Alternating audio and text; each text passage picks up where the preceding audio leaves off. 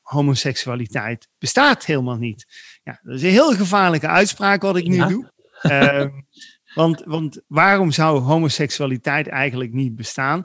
Omdat, ja, eh, als je geen nageslacht kunt verwekken, dan kun je ook de kenmerken van homoseksualiteit, en dan bedoel ik met name de genetische kenmerken, die kun je niet doorgeven. Dit is de mensrots. Over instincten en oerdriften, over rationeel handelen en beschaving. Ik ben Bas Westerweel en in deze podcastserie ga ik in gesprek met gedragsbioloog Patrick van Veen, die bij alles wat hij ziet, hoort en ruikt zich afvraagt: wat zijn we toch aan het doen hier op de Mensenrots?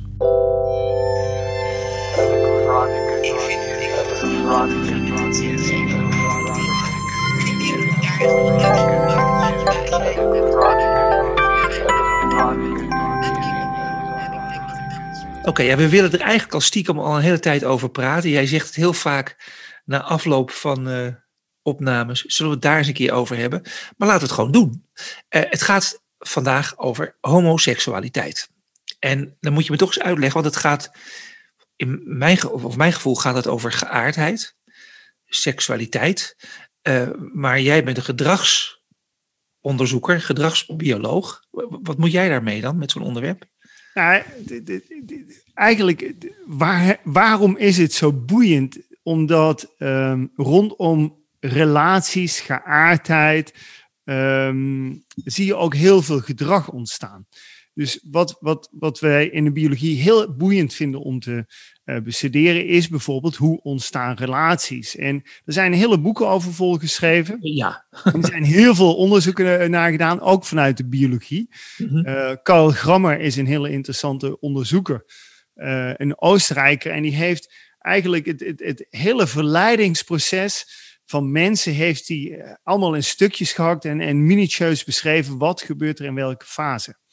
En waarom is homoseksualiteit dan voor een bioloog zo fascinerend? Is omdat ja, eigenlijk de drijfveer van relaties, uh, um, dat, dat, dat is het verwekken van nageslacht. Dat is het krijgen van kinderen. Nou ja, homoseksuele koppels, uh, ja, biologisch gezien, verwekken van nageslacht wordt een heel complex proces. Mm -hmm. En wat je, we, we, zijn natuurlijk altijd heel erg geneigd om uh, te praten over uh, vlinders in de buik en liefde en hormonen.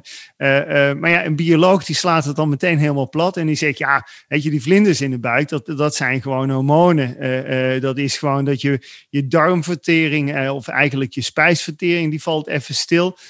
want, want ja, in de liefde moet je andere dingen doen dan spijs verteren. Ja, daar gaat de romantiek. Ja, en daar gaat de romantiek. En dat levert kriebels, letterlijk kriebels op in de buik. Ja. En, en, en nou ja, dat is een heel bazaal proces. En dat gaat allemaal over gedrag. En waarom vind ik als bioloog zo fascinerend homoseksualiteit? Is dat er zit een hele zware maatschappelijke discussie aan vast. Uh, maar de biologische discussie is eigenlijk dat we zeggen, ja, homoseksualiteit bestaat helemaal niet. Ja, dat is een heel gevaarlijke uitspraak wat ik nu ja. doe. Uh, want, want waarom zou homoseksualiteit eigenlijk niet bestaan? Omdat, ja, uh, als je geen nageslacht kunt verwekken, dan kun je ook de kenmerken van homoseksualiteit, en dan bedoel ik met name de genetische kenmerken, die kun je niet doorgeven. Dus vanuit de biologie zit een hele interessante hm. nou ja, vraagstelling aan vast. Hoe zit dat eigenlijk met homoseksualiteit en waarom zien we het ook zoveel voorkomen? Want ja, technisch gezien zou het uit moeten sterven. Ja, maar goed, dat is de platgeslagen klant. Hè? Is mooi als bioloog gekeken naar de materie. En nu eventjes naar de gedragskant kijkend. Want dat moet je dan ook interesseren. Wat het oplevert. Eh, ja, dat, dat, dat is natuurlijk ook wel het interessante wat er uh, gebeurt. Nou, misschien voordat ik dat doe, even naar de dieren. Er zijn hele boeken geschreven, ook weer met foto's en filmpjes. Als je gaat zoeken op homoseksualiteit en dieren, dan kom je allerlei voorbeelden tegen. Um, maar dan, dan kunnen we twee categorieën eigenlijk onderscheiden. We zien homoseksueel gedrag, waarbij het vooral om de seksualiteit gaat. Dus uh, uh, uh, twee koeien die elkaar bespringen, twee bonobo-mannetjes die met hun penis tegen elkaar aanlopen te wrijven. Of bij bonobo-vrouwen is een bekend voorbeeld is wat we noemen GG-rubbing. Dan wrijven ze letterlijk de clitoris tegen elkaar aan. Mm. Um, en, en ja, dat gebeurt er veelvuldig bij bonobo's. Maar het is altijd een seksuele handeling. En dat zien we bij heel veel diersoorten voorbij komen. Maar de vraag is of we ook bij diersoorten langdurige homoseksuele relaties zien voorbij komen. Nou, en dat zien we nauwelijks voorbij komen. En dan komen er altijd weer de pingwings uh, uh, voorbij, die samen een ei lopen uit te broeden. Uh, maar dat, dat, dat zijn vaak hele uitzonderlijke situaties. Plus wat we daarbij ook nog in, in acht moeten nemen, dat het heel vaak dierentuinsituaties zijn. En dan hebben we opeens overschot mannetjes. Nou, dan denken twee pingwins, ja, wij hebben het ook gezellig met elkaar, waarom zouden we geen ei uit gaan broeden? Dus ik weet dat nu een heleboel mensen heel nerveus gaan worden, maar, maar dat is wel de realiteit. We zien er niet of nauwelijks voorbij komen. En uh, als je kijkt naar homoseksualiteit, dan, dan is daar een vermoeden, en eigenlijk gaat het ook wel een beetje verder als vermoeden. Uh, uh, er zijn ook wel wat onderzoeken naar gedaan, is dat homoseksualiteit kan ontstaan door meerdere factoren. Maar we zijn toch wel overtuigd dat de belangrijkste factor een genetische factor is. Hm. Uh, heel veel mensen zeggen, ja, hij, hij, hij, was net geboren en ik zag al, die is homoseksueel. Ja, of dat zo is, dat weten we niet, maar, maar dat, dat is wel een ontzettend belangrijke factor. Er is ook een factor die ontstaat niet in de genen, maar die ontstaat pas in de baarmoeder uh, bij de moeder. En uh, wat we weten is bijvoorbeeld als een moeder meerdere zonen heeft gehad, dat heel vaak de jongste zoon uh, vaak homoseksueel is. Nou, de verklaring daarvoor is met name dat, dat je, nou ja, jongetjes maken testosteron aan. Dat doen ze ook al in de baarmoeder. Nou, een moederlijf vindt dat niet heel erg plezierig. Dus een moederlijf gaat uiteindelijk die, die, die testosteron af, eigenlijk tegenwerken, gaat ze afbreken. En bij het eerste zoon is ze daar niet goed in. Bij de tweede zoon is het lichaam daar ook nog niet goed in. Maar bij het derde of vierde zoon, dan zie je heel vaak dat zo'n moederlichaam, zo'n vrouwenlichaam, eigenlijk heel goed in staat is om het testosteron van zo'n jongetje, van zo'n foetus af te breken. En, en dat leidt er mede toe uiteindelijk dat er vaker bij die jongens homoseksualiteit wordt geconstateerd. Maar wat gebeurt, dat wil ik even begrijpen. Wat gebeurt er dan? Is dat een soort van afweermechaniek van de, de moeder die dan ervoor zorgt dat er dat testosteron wordt tegengegaan? En ja. komt er dan meer oestrogeen voor terug? Of is er dan minder testosteron? Of... Nou, het is met name nou, uh, testosteron, oestrogeen, zijn uh, uh, progesteron, zijn hormonen die ja. houden elkaar in evenwicht. Ook elke vrouw maakt uh, uh, testosteron aan, net zoals elke man oestrogenen aanmaakt. Maar die balans tussen die hormonen okay. ontzettend belangrijk. En, en uh, we weten ook dat die balans een aantal ontwikkelingen in het lichaam beïnvloedt. En met name ook in die beginperiode. Aha. En dat is een verklaring. Als je rondvraagt, zul je ook vaak horen dat als moeders drie, vier zonen hebben gekregen, dat vaak de jongste homoseksueel is. Maar heeft hij dan ook een meer oestrogeen dan? In, in, zeg maar als je balans gaat opnemen, opnemen dan? Want nou, een, een waar het rare... vooral in speelt, hè, waar, waar de impact ja. het grootste is, ja. is met name in die, ja, eigenlijk in die ontwikkeling in de baarmoeder. Daarna gaat zich dat corrigeren. Okay. Maar die ontwikkelingsfase in de baarmoeder is ontzettend cruciaal. En dat blijkt invloed te hebben op de hersenen. Uh, dat blijkt ook wel invloed te hebben later op een heleboel hormonale processen. Mm -hmm. uh, uh, maar het, het, blijkt dat dat wel een hele belangrijke factor is. En overigens geldt ook iets voor lesbische dochters, want daar kan hetzelfde af en toe in ontstaan. Namelijk dat die meer testosteron gaan krijgen. En dat kan ook in de volgorde van zwangerschappen invloed hebben. Maar je hebt dus waarschijnlijk een hele sterke genetische component. Um, je hebt waarschijnlijk een component die plaatsvindt in de zwangerschap. En dan is er nog een derde component. En, en die is altijd een beetje uh, tricky, maar, maar daar zijn toch wel veel onderzoekers het ook wel over eens. Er kan dus ook een belevingscomponent zijn. Dat, dat, daarmee bedoelen we, er gebeuren dingen in het leven van iemand waardoor iemand homoseksueel wordt. En uh, dat, dat, dat is een, een, een, factor die waarschijnlijk te verwaarlozen is of kleiner is dan die andere factoren, maar die, die doet er zeker wel, uh, speelt die een rol. En het lijkt erop dat er bij vrouwen vaker voorkomt dan bij mannen. Mm. En nou ja, dat, dit, dit zijn altijd heel gevaarlijke discussies, want iedereen heeft daar een mening over.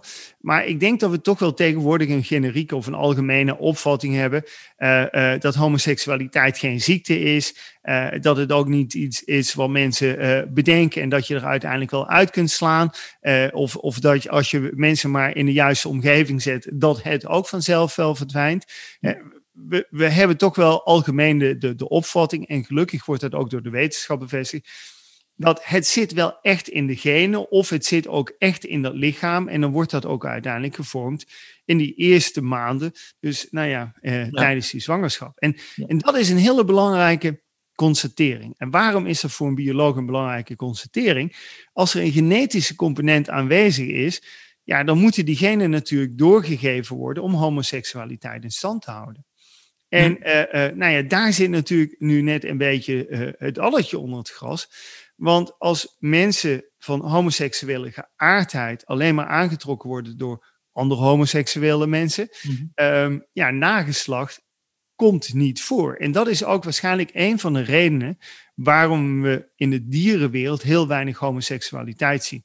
En wat we in de dierenwereld zien, het komt incidenteel voor in die factoren wat ik noemde. Hè. Je zet alleen maar mannetjes bij elkaar, of er is een overschot aan mannen, of er is een overschot aan vrouwen. Mhm. Eh, dat zijn die seksuele handelingen die af en toe voorbij komen. Maar in het algemeen genomen, uh, uh, ja, in de dierenwereld vermoeden we toch wel dat doordat de genetische component heel erg zwaar weegt, dat ja, die sterft voortdurend uit. Want ja, als je uh, uh, twee homoseksuele uh, apen hebt, ja, daar zullen geen jonge apen uitkomen.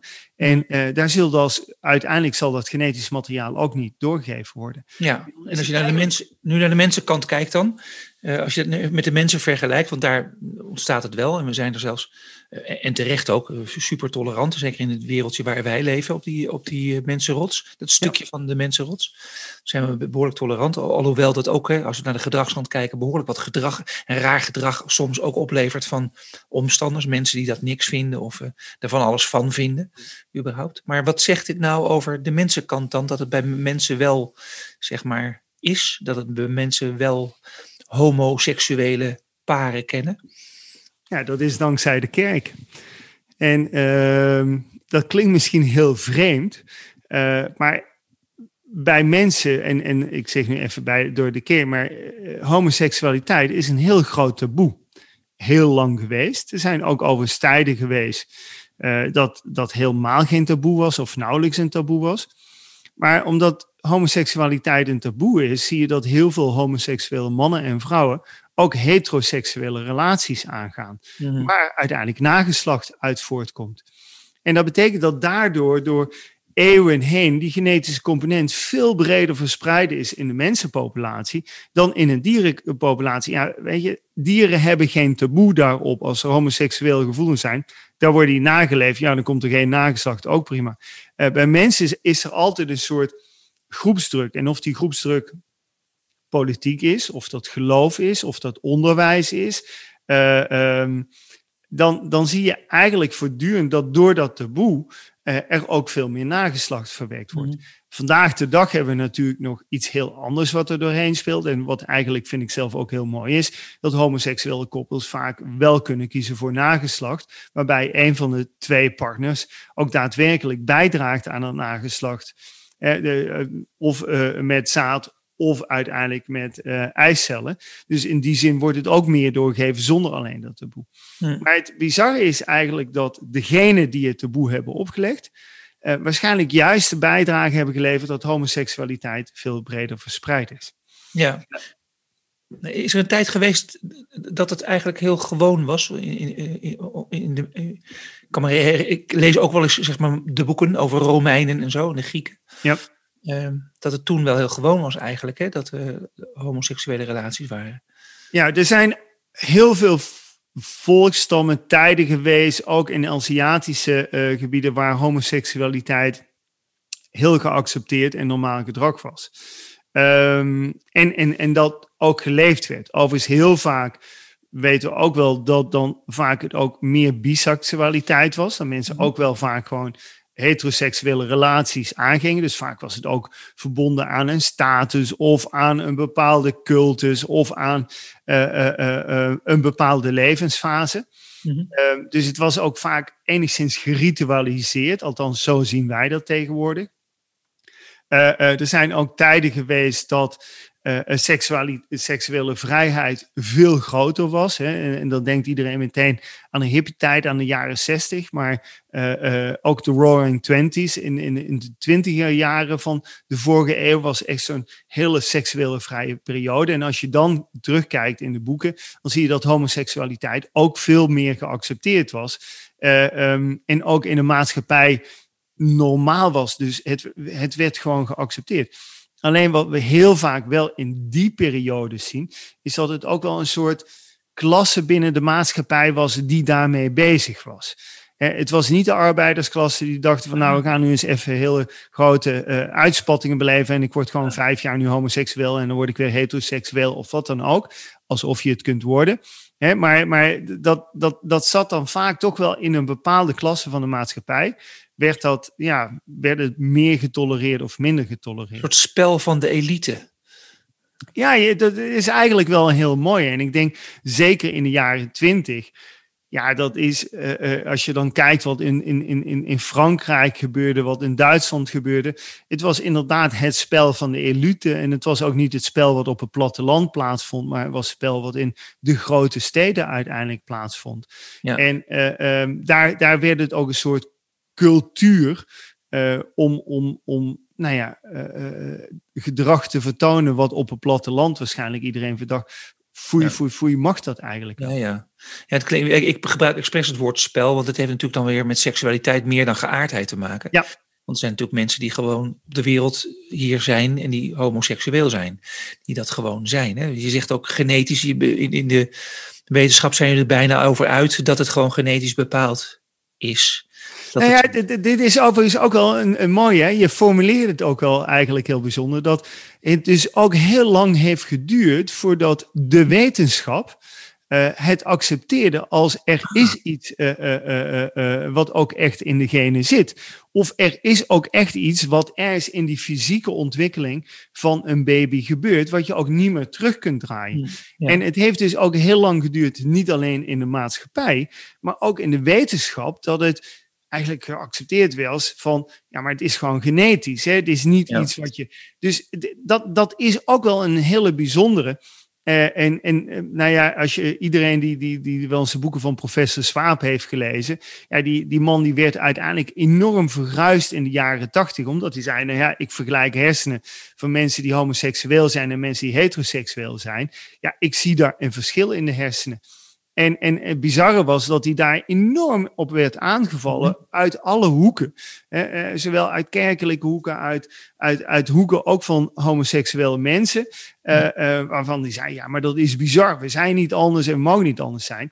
Terwijl eigenlijk hij wel een kern legde voor iets wat heel mooi was om, om ook uiteindelijk aan te gaan tonen. Ja, maar weet je, homoseksualiteit is geen ziekte. Hè? Het is niet iets wat je gaat behandelen. Het is ook geen afwijking. Uh, uh, het zit gewoon in de genen. Ja. En um, dan is er nog altijd een hele interessante vraag. Uh, als het in de biologie voorkomt. Hè? Want we zien ook wel incidenteel bij dieren waarvan we zeggen, nou, eh, dat lijkt er niet op omdat het toevallig een pinguïnkolonie is zonder vrouwen, dat die mannetjes maar op een ei gaan zitten. of het zijn bonobo's, omdat ja, de eerste beste die ze tegenkomen, daar hebben ze seks mee. dus we zien ook echt wel letterlijk bij een aantal dieren dat ze alleen maar openstaan voor een homoseksuele relatie, dus met iemand van hetzelfde geslacht. En dan is het natuurlijk ook wel weer voor een bioloog interessant en evolutionair gezien interessant waarom gebeurt dat eigenlijk? En, en, en waarom komt het voor dat er dus mensen zijn, of dieren zijn in dit geval, die geen nageslacht gaan verwekken of kunnen verwekken. Hmm. Als je dan in de geschiedenis gaat kijken van de mensen, ja, dan, dan kom je nog wel een heleboel interessante uh, uh, situaties tegen. Namelijk heel veel mensen die een rol kozen in de maatschappij, kinderloos. nou ja, als je in Amsterdam rondloopt, dan kom je Begijnenhof tegen. Mm nou, die, dat soort Begijnenhofjes zaten in, in, in, in, in heel Nederland.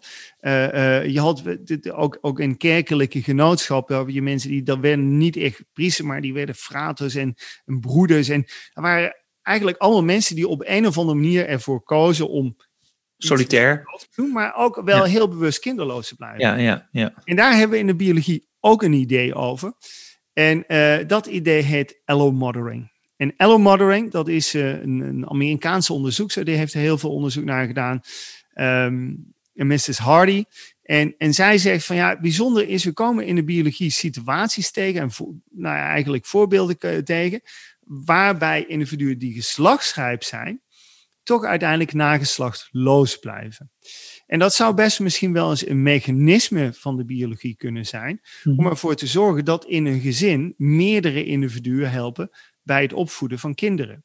Hm. Dus eh, zo'n uh, jongere broer in huis hebben wonen, of een tante in huis hebben wonen, die altijd kinderloos is gebleven, zoals dat vroeger wel eens heette. Hm. dat kon een heel groot voordeel hebben om uiteindelijk kinderen mee op te voeden in zo'n gezin. En ja. dat iedereen die in zijn geschiedenis gaat terugzoeken en zegt: oh, ik had ook zo'n kinderloze tante of zo'n kinderloze oom, die was homoseksueel. Nou, dat zeg ik niet meteen. Nee. Maar biologisch gezien een van de discussies die plaatsvinden dat men zegt van nou, waarom komt dat genetisch dan toch regelmatig voor en lijkt het opeens spontaan op te poppen? Ja. Zou best wel eens kunnen zijn dat heel af en toe de biologie zegt, nou, het is best wel handig om ook wat kinderloze individuen te hebben, want die kunnen heel mooi meezorgen voor het opvoeden wow. van de andere kinderen in zo'n gezin of in een familie. Even over gedrag nog een keertje. Het lijkt wel zo, maar dat kan ook een soort aanname van mij zijn of een perceptie. Uh, wat ik zie. Uh, het lijkt wel als of uh, zeg maar homoseksuelen die toestaan dat ze het zijn. Op een gegeven moment, ze moeten toch door een soort sociale barrière heen breken, lijkt het wel. Maar op het moment dat ze het hebben gedaan, lijken ze wel bevrijd te zijn. En het ziet er vaak bevrijder uit uh, dan ik me ooit heb gevoeld. Het lijkt soms als ze daar echt aan toegeven, dat ze meer tot zichzelf komen. Ik doe allemaal verschillende ingewikkelde uitspraken, misschien voor een bioloog. Maar zo ziet het er vaak wel uit. Zo voelt het. Maar dat kan puur van mij zijn hoor. Wat ik zie. Ik weet niet. Hoe reageer jij erop? Ja, ik, ik snap het meteen. Uh, verwondert je misschien dat, uh, dat ik die als bioloog heb. Nee, wat, wat je denk, het, het woord taboe gebruikte ik aan het begin ergens heel bewust. En wat je ziet is dat uh, um, er zijn heel veel taboes en die taboes die worden voortdurend bevestigd. En, en misschien heden niet een taboe, hè, maar we kennen wel de andere kant van het taboe. Uh, en, en, en de andere kant van het taboe. Maar wat je heel vaak merkt is dat uh, we zeggen niet tegen iemand dat mag niet of ik zou het vreselijk vinden. Zelfs de meest hè, progressieve ouders die, die, die zouden nooit een uitspraak doen hè, om kinderen uiteindelijk niet uit de kast te laten komen. Hm. Maar wat wij natuurlijk wel voortdurend doen, is vanaf dag één, en dat is niet iets wat alleen maar ouders doen, dat doet media, dat doet de maatschappij. We geven mensen een soort plaatje mee van zo moet jouw toekomst eruit zien. En dat is inclusief de relatie. we geven, kinderen geven een plaatje mee van nou, jouw toekomstige relatie, die moet er op deze manier uitzien. Mhm. En dat is natuurlijk wel iets wat erg uh, tricky is, want dat betekent dus ook dat kinderen vanaf dat moment ook meteen in het conflict komen van ja, maar dit is wat van mij verwacht wordt, uh, maar dit is wat ik uiteindelijk voel. Dus ik ben fout. En dat betekent dus ook dat zelfs de meest progressieve ouders, die daar nooit iets van zouden maken, uh, dat jij als ouder niet als enige een impact hebt op die kinderen. Want ja, we geven kinderen gewoon in de opvoeding een plaatje mee. Ja, en alles wat daar niet aan voldoet, levert een soort interne strijd op. En zeker als het aankomt met relaties, ja, dat, dat wordt de hele dag door, wordt dat bij, bij kinderen, maar ook bij jongvolwassenen, wordt dat in het hoofd geprent. Zo moet de toekomst eruit gaan zien. Ja, en dan, dan blijkt jij zelf op een gegeven moment een gevoel te hebben. Nou, dat vind ik toch niet lekker. Hè? Ik heb daar heel andere gevoelens bij. En ja, als je dan op een gegeven moment de keuze maakt om uit de kast te komen, en daarbij uiteindelijk ook uh, uh, een soort bevestiging krijgt van, joh, het is goed. Hè? Hm. Dus dat de, de omgeving zegt, ja, maar weet je, dat plaatje wat we je jaren hebben voorgehouden, dat is niet het enige plaatje. Er zijn nog veel meer plaatjes en daar mag je ook best blij mee zijn. Ja, en dan ontstaat er natuurlijk een bevrijding. Maar realiseer dat heel veel mensen in de wereld, uh, en dat is niet alleen Nederland of, of Europees, uh, die zitten in zo'n plaatje. Dat zijn ook mensen die in een huwelijk zitten en, mm. en daar misschien helemaal niet gelukkig zijn. Maar ja, het is wel het plaatje wat ze altijd voor wordt gehouden. Daar moet je gelukkig zijn. En dat is natuurlijk altijd nou ja, ik zeg wel eens, in die zin zijn wij mensen het slechtste af van alle dieren. Omdat wij kinderen opvoeden. We hebben een extreem lange kindertijd. maar ook daarna gaat nog steeds die opvoeding verder. En het is voortdurend het presenteren van plaatjes. Als je dat maar volgt, ja, dan ben je een goed mens. En je interne strijd met dat plaatje, ja, op het moment dat je daar afscheid van kunt nemen, denk ik dat het ook letterlijk wel een bevrijding is. Dankjewel. Alsjeblieft. Tot de volgende keer.